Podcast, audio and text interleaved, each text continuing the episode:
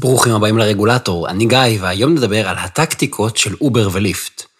בדרך כלל, אנחנו מדברים על איך חברות מתמודדות עם רגולציה, ומה הן נאלצות לעשות כדי לציית להוראות.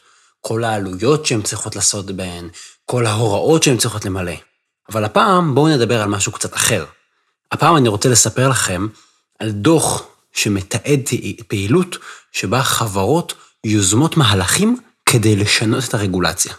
חברות שעולות מהגנה להתקפה, נקרא לזה. זה הסיפור על חברות של שירותי נסיעות שיתופיות, אובר וליפט. ואני הולך לספר לכם על אה, כל מיני טקטיקות שמבוססות על דוח של הפרויקט הלאומי לחוקי עבודה בארצות הברית. אובר וליפט הן לא החברות הכי גדולות או הכי עשירות בעולם, אבל יש להן יותר לוביסטים מאמזון, וולמארט ומייקרוסופט ביחד. ובעזרת הלוביסטים האלה, אובר וליפט פועלות כדי לשנות ולהתאים את הרגולציה. כמובן שאף אחד לא עושה את זה מתוך איזה אלטרואיזם, הן מתאימות את הרגולציה לצרכים שלהן. לפי הדוח, רוב המאמץ שלהן ממוקד בארצות הברית, ועד עכשיו הן הצליחו לשנות את הרגולציה ב-41 מדינות, וגם לשנות רגולציה עירונית בשלל ערים בארצות הברית. ב-41 מדינות מתוך 50 זה מרשים מאוד. לפי הדוח, הטקטיקה העיקרית שלהן מורכבת מארבעה שלבים. לחדור, לובי, אולטימטום, ובסוף לשנות את הכללים. איך זה עובד? בואו נסתכל על ארבעת השלבים. אז אמרנו שלב ראשון, לחדור. החברות נכנסות לשוק המקומי ומציפות אותו בשירות חדש. קודם כל פועלים, אחר כך בודקים איך הרגולציה בדיוק אומרת להם להתנהל, הרבה פעמים בכלל אין רגולציה שמסתירה את זה. לעתים הן גם מציעות מחירי רצפה ומבצעים מאוד מאוד אגרסיביים. המטרה היא חדירה משמעותית לשוק. זה אקט של שיווק. ובתוך זמן קצר, התושבים המקומיים מתרגלים לשירות החדש ומתבססים עליו. פה אני פותח סוגריים ואומר, אם השירות לא טוב, אם הם לא מציעים משהו שיש לו ערך, זה לא יעבוד, כן?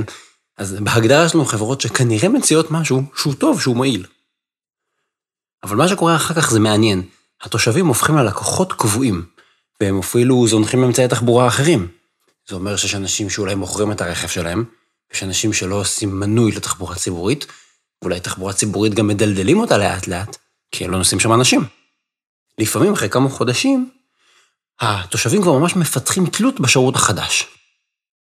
ולפעמים הפעילות בשלב הכניסה לשוק מתבצעת אפילו אם החוק אוסר עליהן לפעול. יש דיווחים שזה קרה בפילדלפיה ובמחוז מיאמי דייד. לפי הדוח, אובר וליפט הבטיחו לנהגים שישלמו להם את כל הקנסות שיוטלו עליהם. הן אומרות, אני הולכת לפעול פה בכל מחיר. ככה לפחות לפי הדוח. זה השלב הראשון. השלב השני, לובי. בשלב השני החברות מפעילות המון המון המון לוביסטים כדי לקדם תיקוני רגולציה שיקלו עליהן, אבל שימו לב, הן לא נמצאות מחוץ לשוק ומבקשות רגולציה שתאפשר להן להיכנס, למשל, זה מה שקורה בישראל, הן קודם כל נכנסות, אחר כך שואלות שאלות. ולפי נתונים של עיריית פורטלנד, בשנת 2015 החברות הפעילו 16 לוביסטים שיעבדו עם מקבלי ההחלטות בתוך העירייה, וזאת עיר גדולה. אותם לוביסטים היוו 30% מכל פעילות הלובינג מול עיריית פורטלנד. בשנת 2017, פעילות הלובינג של אובר הייתה היותר גדולה משל כל גורם אחר במדינת ניו יורק. הם היו בעצם החברה מספר אחת שהפעילה אה, לובינג בניו יורק. ושווה לציין שהלובינג הוא פעילות חוקית, כן? והוא גם דרך פעילות עיקרית של אה, הרבה ארגונים, לא רק חברות, גם של עמותות, של ארגוני חברה אזרחית, לובינג כשלעצמו הוא לא דבר רע, אבל שימו לב, אמרנו שלב ראשון חדירה לשוק, שלב שני לובינג. נעבור לשלב השלישי. השלב השלישי הוא אולטימטום. אחרי שהתושבים מתרגלים לשירות, וכשיש לחברות כבר נוכחות בגופי השלטון, הן מדברות שפה, הן מצליחות לאט לאט להתאים את הכללים, הן מציבות אולטימטום. למשל, הן מאיימות לסגור את הפעילות בעיר אם הרגולציה לא תתוקן באופן שיאפשר להן לפעול. לפי הדוח, אובר וליפט הציבו אולטימטומים כאלה למספר ערים בטקסס, כדי להביא לשינוי הרגולציה באותן ערים. ומאחר שציבור התושבים כבר, אמרנו, התבסס על השירותים של החברות, הן גם זוכות לגיבוי, לאהדה של הציבור. הציבור תומך בהן, הוא רוצה שגם הרגולציה תותאם. זה היופי בקודם נכנסים, אחר כך שואלים שאלות. וככה האולטימטום מקבל רוח גבית בסיסית מהתושבים, כמובן בסיוע התשתית לובינג שהם בנו. זה היה השלב השלישי, עוברים לשלב הרביעי שהוא לשנות את הכללים. לבסוף, מה שהדוח טוען, זה שאובר בעיקר פונה לציבור כדי שיסייע לה להפעיל לחץ על הרגולטורים ועל מקבלי החלטות אחרים, למשל פוליטיקאים. אובר למשל יוצרת קשר עם לקוחות, יש להם את המספר נייד שלכם, יש להם את האימייל שלכם, ומספרת להם שעתיד הנסיעה השיתופית בסכנה. הציטוט מתוך הדוח הוא The future of ride sharing is on the line. ואז היא מבקשת מהלקוחות, תעזרו לנו להציל את הנסיעה השיתופית. תעזרו לנו להציל את אובר מפני הרגולציה הנוראית.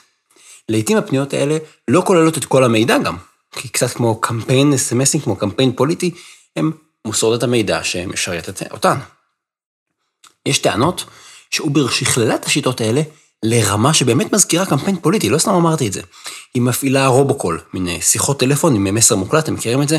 שמתקשר לכם, יש לכם שיחה, אתם עונים, ויש לכם בצד השני שומעים פוליטיקאי שאומר, ערב טוב, מדבר כך וכך, אנא תצביעו לנו. אז את זה הן עושות. הן שולחות אימיילים בדיבור ישיר לפי פילוחים של כל מיני קבוצות אוכלוסייה. מבוגרים, בעלי עסקים, סטודנטים. בנוסף, הן גם מפרסמות קמפיינים. קמפיינים ממומנים לא רק ברשתות חברתיות, לא רק בפייסבוק, לא רק בטוויטר, הן מפרסמות גם בפלטפורמות מסורתיות, כמו טלוויזיה ורדיו, ממש הולכות על קמפיין full scale בכל מקום, כדי לרתום את הציבור ולייצר רעש ולחץ חזק נגד מקבלי ההחלטות, נגד הרגולציה הקיימת, הרגולציה שהייתה בתוקף כשהם נכנסו לשוק. ובעקבות המהלך הזה, חלק מהציבור נרתם, ופונה לרגולטורים ולמקבלי ההחלטות כדי שישנו את הרגולציה. בארצות הברית מאוד מקובל להגיד, call your congressman, תפנה לחבר הקונגרס שלך, אז תפנה לנציג ציבור ותגיד לו, אני רוצה שהרגולציה תהיה כך וכך. אובר ממש משחקת על הסנטימנט הזה לפי הדוח. אז ראינו ארבעה שלבים, חדירה, לובינג, להציב אולטימטום, ולבסוף לשנות את הכללים באמצעות קמפיין חזק מאוד, אגרסיבי מאוד. צריך להגיד שכמו שאני מבין את זה, כל הטקטיקות האלה הן חוקיות לגמרי. זה בסדר להיכנס לשוק, והם פועלים בניגוד לחוק לפעמים לא, אתם יודעים, כל, כל מדינה, כל state, כל עיר בסיפור שלה, אבל לעשות לובינג זה חוקי לחלוטין, יש כללים שמסדירים את זה, להציב אולטימטום להגיד אם אתם לא תשמעו את הכללים אני יוצא, לגיטימי, והפנייה ללקוחות היא גם נעשית בגדרי המותר. אבל צריך להגיד שמשהו בטקטיקות האלה שמתוארות בדוח, זה מעורר אי נוחות כזאת. ובאמת הדוח הזה הוא נועד להראות, המטרה האמיתית שלו להראות ולהציג את אובר וליפט באור שלילי, באור מניפולטיבי, ככאלה שלא באמת מכבדות את הכללים ומוכנות לעשות הרבה מאוד כדי, אה, כדי לשנות את הכללים בצורה שתתאים להם.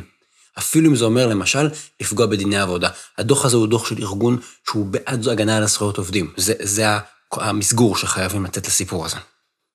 אז אם גם אתם מרגישים אי בואו ננסה לחשוב מה אפשר לעשות. כי בעצם מה שאנחנו רואים פה זה חברות שמבקשות שהרגולציה תתאים ותאפשר להם לפעול. וזה בסדר דעות איתו, כן? תחשבו שיש לכם איזה עסק והרגולציה לא מאפשרת לכם לפעול. יש לכם קונדיטורה קטנה, יש לכם בית דפוס, יש לכם משרד עורכי דין, יש לכם חברת ייעוץ, והרגולציה לא מאפשרת לכם לפעול, או מאוד מאוד מגבילה אתכם. זה לגיטימי שתרצו לשנות את הכללים, זה לגיטימי שאם אתם חושבים שהרגולציה לא טובה, שתבקשו לתקן אותה, לשנות אותה. אגב, הרבה פעמים אנשים פונים אליי דרך הבלוג ושואלים אותי, איך אפשר לשנות את הרגולציה, אפשר, איך אפשר להשפיע? זו פנייה די טריוויאלית. אבל בכל זאת יש משהו שגורם פה אי נוחות בתוך האסטרטגיה המאוד מאוד מחושבת הזאת. ואני רוצה להציע כמה רעיונות שאנחנו יכולים לעשות כדי שפחות נפגוש התנהלות כזאת וזה פחות יפריע לנו.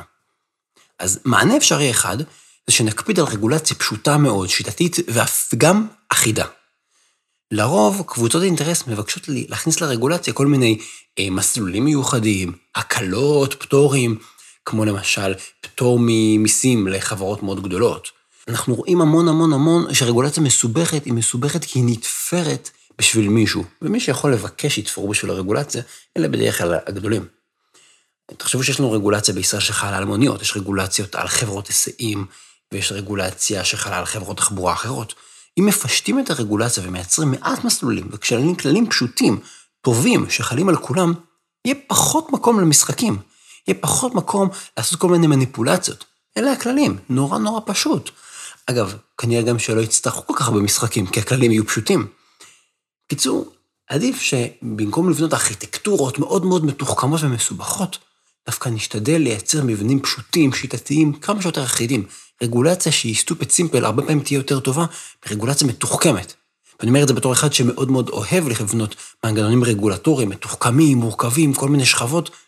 בואו ניקח את זה למטה, בואו ניקח את זה פשוט. כיוון אחר זה להסדיר יותר טוב את היחסים בין השלטון המרכזי לשלטון המקומי. שימו לב, בארצות הברית זה ממש מורכב, כי זה לא סתם ממשל, נקרא ממשל רב-שכבתי. יש להם את הרמה של ה-nation, שזה בעצם הקונגרס, שאתם מכירים, ואתם מכירים את הבית הלבן ואת בית המשפט העליון, כל מה שיושב ב-DC, אבל יש להם גם את רמת ה- state, בכל מדינה יש מושל, ויש להם אה, בית נבחרים, אבל גם יש את ה-city, את המקום המוניציפלי. אז בעצם יש פה לפחות שלוש שכבות של רגולציה. ובאמת, הרבה פעמים מה שהחברות האלה עושות לפי הדוח, זה להיכנס ברווחים בין, ה, בין אה, השכבות השונות של השלטון.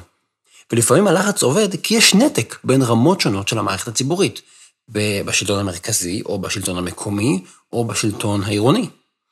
וכדי לפתור את זה, השלטון המרכזי יכול להחליט שהוא לא מתערב, ומשאיר לשלטון המקומי לקבוע את הכללים.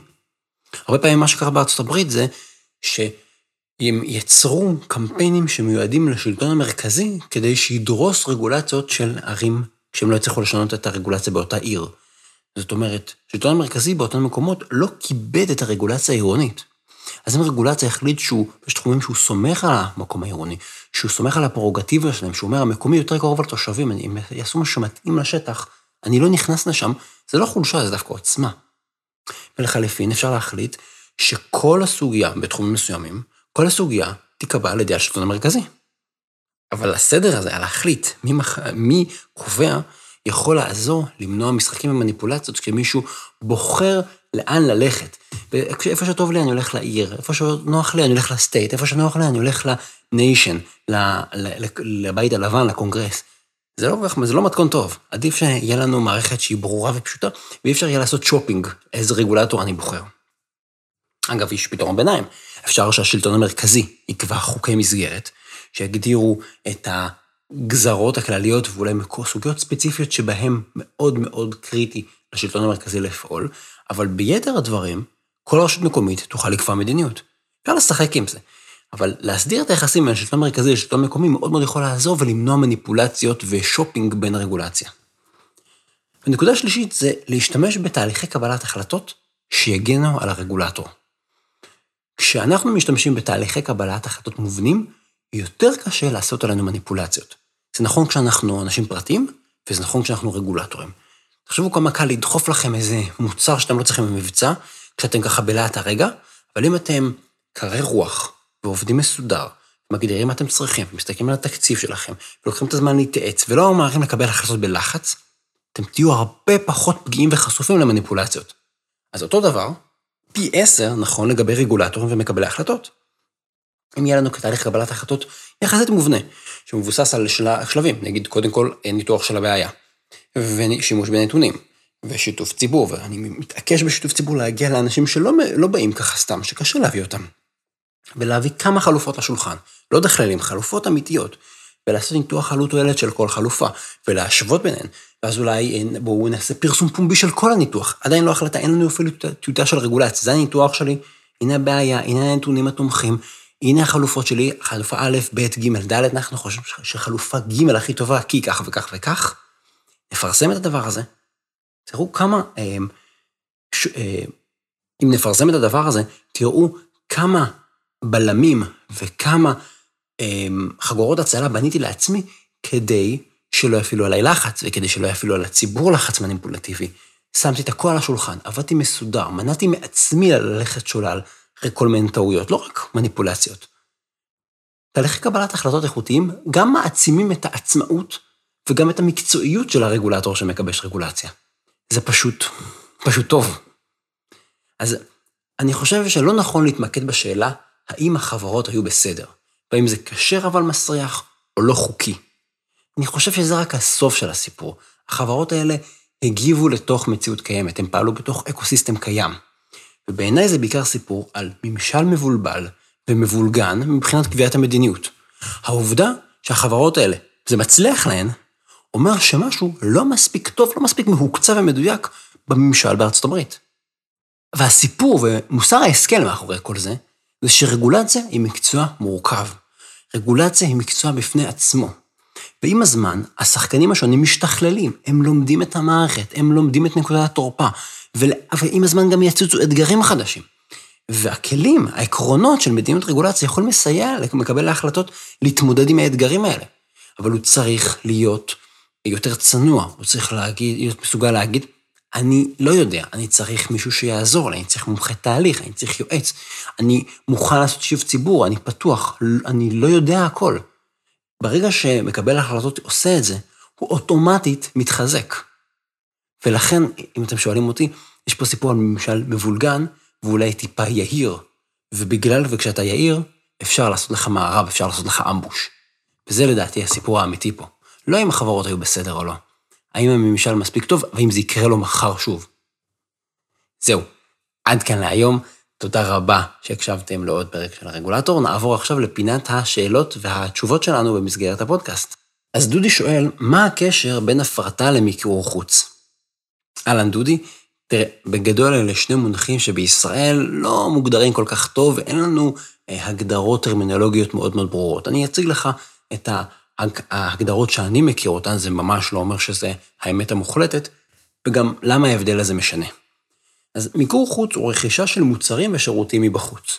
והאמת, כולנו יכולים לעשות את זה. למשל, אה, אם תחשוב על משרד ממשלתי שלוקח שירותי אבטחה מבחוץ, או שירותי ניקיון מבחוץ, אז מיקור חוץ, הוא לא עושה את זה בעצמו. אבל למעשה, גם אם מייקרוסופט תרכוש שירותי מיקור חוץ, נגיד, היא לא תשכור מאבטחים בעצמה, אלא תיקח חברה שתעשה את זה, זה מיקור חוץ. ואם מייקרוסופט למשל רוצה שמוקד השירות שלה, היא יודעת להפעיל מוקדי שירות, אז מייקרוסופט לוקחת מוקד שירות מבחוץ מחברה שמתמחה שתפעיל לה מוקד שירות, זה מיקור חוץ.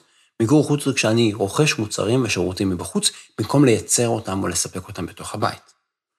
עכשיו, הממשלה עושה את זה גם, למשל כשהממשלה רוכשת רישיונות למייקרוסופט, לאופיס, וורד, אקסל, כל הדברים האלה, רוכשת מחשבים מדל, זה מיקור חוץ.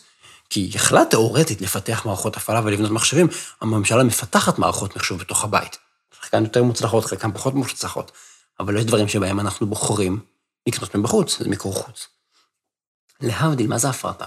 הפרטה היא כשאני לוקח פונקציה ציבורית, שירות ציבורי, ואותו אני בעצם מפסיק לספק ציבורית, ונותן לשוק הפרטי להיכנס. יש הפרטה אה, פוזיטיבית, שזה אומר, אני כממשלה מכניס שחקן במקומי, ויש הפרטה נגטיבית במחדל, שהממשלה פשוט מפסיקה לעשות משהו, ובעצם אומרת במשתמע, אני לא עושה את זה יותר, אם מישהו רוצה להיכנס במקומי, אתם מוזמנים. אבל אתם מבינים, בניגוד למיקור חוץ, שבהם אני צורך שירותים מבחוץ, וגם גוף פרטי יכול לעשות את זה, הפרטה זה שאני לוקח משהו ציבורי ומכניס אותו לשוק הפרטי. וזה גם אגב יכול להיות הפוך, יש דבר שנקרא הצברה, לקחת שירות פרטי ולהתחיל לתת אותו בצורה ציבורית, זה לא בהכרח להעלים עסקים, זה פשוט להתחיל לתת את השירות בצורה ציבורית. אז זה ההבדל המרכזי. אגב, שימו לב, זה שיח של פעולות. זה לא שיח של בעלות. כשאנחנו מדברים הרבה פעמים על, על הפרטה, אנחנו מדברים על לקחת פעילות ממשלתית ולמכור אותה לציבור. לקחת חברה ממשלתית ולמכור אותה. זה לא, לא הרגולציה כבר. אבל אם אני אומר, למשל, אני כממשלה מתחיל, רוצה לפקח על משהו, ואני, ואז יום אחד אני אומר, אני מפסיק את הפיקוח, אני נותן לשוק הפרטי לעשות את זה, אפשר לדבר על זה כעל הפרטה. תחשבו למשל על חוק הספאם, שזה אה, תיקון 40 לחוק התקשורת, שאמר שאם אתם שולחים דואר זבל, אז זה דבר שהוא אסור, והחוק נתן לנו בעצם שני מקלות. הוא נתן אופציה של סנקציה פלילית, זאת עבירה פלילית, הוא גם אמר שזאת עוולה אזרחית, אתם גם יכולים לתבוע בעצמכם בבית משפט. בפועל אנחנו יודעים שהסנקציה הפלילית כמעט לא השתמשו בה, ומה שבאמת עבד זה בבית המשפט. אז אם מחר נבטל את הסנקציה הפלילית, כי לא משתמש בה ממילא, אפשר לקרוא לזה הפרטה. הפרטה של אכיפה על הסיפור הזה. אז זה ההבדל בין הפרטה למיקור חוץ, במיקור חוץ אני רוכש שירותים מבחוץ, במקום לספק אותם בעצמי. בהפרטה, מה שאני נותן החוצה כממשלה, אני מפסיק לעשות אותו, או מפסיק ממש, או מפסיק ונותן, מכניס מישהו במקומי, למשל עושה מכרז לשירותי רכש. אמ, זהו, עד כאן להיום, תודה רבה. אתם מוזמנים לעקוב אחריי בפייסבוק, בטוויטר, ויש לכם את כל האפליקציות להאזין. כמובן שבבלוג יש לינקים למקורות, לעוד פוסטים בנושא. תודה רבה ליותם רוזנטל על עריכת הסאונד. התכנים משקפים את דעותיי בלבד.